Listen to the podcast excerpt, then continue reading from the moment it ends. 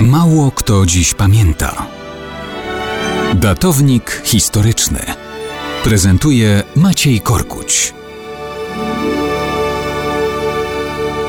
Mało kto dziś pamięta, że 9 maja 1794 roku odszedł na tamten świat ostatni hetman polny litewski, Józef Zabiełło. Zmarł w łóżku? No nie, czyli w boju, jak na hetmana przystało. Też nie, bo i hetman z niego, hm, jakby to ująć, najlepiej opowiedzieć o tym od początku. Był synem generała lejtnanta wojsk litewskich. W początkach lat 80. XVIII wieku został członkiem Rady Nieustającej, czyli swoistego rządu Rzeczypospolitej. Przepustką do przyspieszenia kariery stały się zaręczyny z Marią Sobolewską, kuzynką samego króla Stanisława Augusta Poniatowskiego. Wystawny ślub zgromadził zarówno króla z jego dworem, jak też największych dygnitarzy i magnatów Rzeczypospolitej. Wprawdzie Zabiełło podpisał Konstytucję 3 maja, ale jakoś Rosjanie traktowali go jako jednego z tych, których będą mogli wykorzystać do własnych celów. Stąd, kiedy Zabiełło nawet znalazł się po polskiej stronie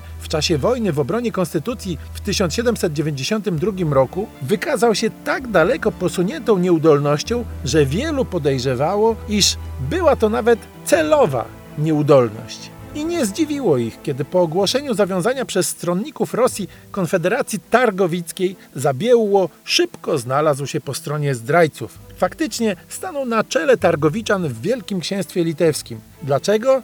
Otóż wszystko się wyjaśniło wkrótce. Był całkowicie w kieszeni Rosjan, jak nie przemierzając Rzymierski czy Berling półtora wieku później. Pobierał od Rosjan stałą miesięczną pensję w wysokości tysiąca dukatów i służył Rosji wiernie.